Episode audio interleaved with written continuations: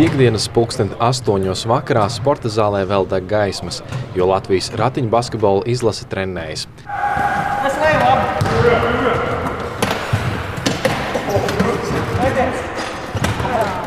Centāmies atrast kādu amatieru ratiņu basketbola kolektīvu, taču tie visi ir izformēti un nu treniņus ikdienā rīko tikai izlase un tikai cēsīs. Tā gan nav bijis vienmēr. Pirms vairāk nekā 12 gadiem Latvijā bija vietējā ratiņu basketbola līga, kur galvenokārt spēlēja savam priekam. Komandas atminas ratiņu basketbolists treneris Aigars Miklāvs. Bija Rīga, bija Baltas, te bija Jūrmala, bija Jelgava, tad bija Kuldīga, bija Cēsis, bija un bija balvi. Jā. Līdz to pašu viss sākās pēc 2009. sākās tā teiksim, krīze. Un to arī viss tur lēnām. Tur viena komanda atrita, otra komanda, trešā komanda. Izformēšanu atceras arī ratiņu basketbols Kārlis Podnieks. Sākās knapināšanās, un tad apvienoja tur komandas apvienoja, apvienoja un beigās viss izjūt. Tagad ir tikai reāli izlase, bet nu, spēsim sārā. Tagad treniņi notiek tikai cēsīs.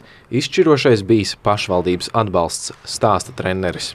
Šī pašvaldība man ļoti atbalsta, piemēram, zālē. Jā. Nu, kaut kā, teiksim, tā, neteiksim, ka pavēlti, bet tomēr kaut kādu finansiāli mēs tomēr maksājam. Un tādā veidā.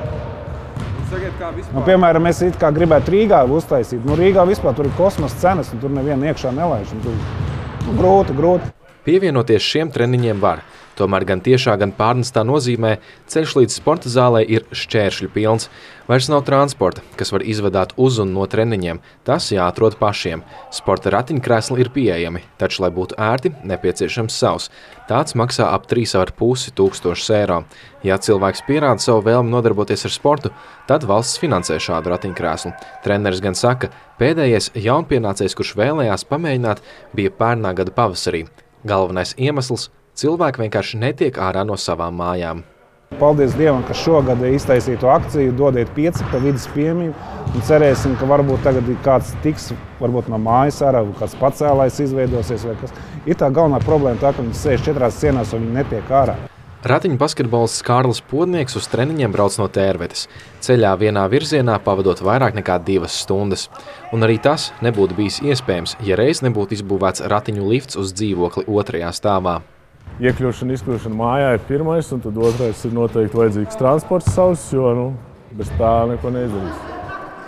Sportisti arī stāsta, ka savulaik citās zālēs jutuši tādu kā šķirošanu, ierobežoti treniņu laiki un daļa viņus negaida, stāsta ratiņu basketbolists Ancis Bērziņš.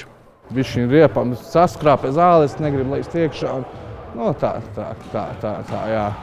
Nu, kad ģipa, saķēza izkrīt ārā, nu, ka saķēza, bet botiem arī saķēza, visiem, visi jau saķēza. Nu. Galvenais ir vēlme, tad nepieciešams finansējums. Arī ratiņu tenisā jaunieši iesaistās rati. Ir visi tie paši izaicinājumi, kas jebkurā citā sporta veidā, un vēl tikpat. Kopā ar savu treneri spriež ratiņtenisiste Žanete Vasaraudze Gailīte. Būtība jau tā pati. Ja jums ir bērns, jūs vēlaties, lai, lai viņš nodarbojas ar kādu no sporta veidiem, jā, jūs saprotiet, ka tas jums būs tik un tik izmaksās, jā, tas jums būs tik un tik laika no jūsu dzīves, jā, jāved viņš varbūt uz nometni, jāved viņš uz nodarbībām, jānodarbojas ar to. Kaut kas cits jāatliek. Bet šeit vēl bērnu invalīdu vecākiem viņiem vēl daudz vairāk to visu rūpju ir. Jā. Un, un, nu, tas, tas nav tik vienkārši. Sportisti atzīst, ka visbiežāk idejas un vēlmes saduras pret nepietiekamu finansējumu. Dāvids Fredenfelds, Latvijas televīzija.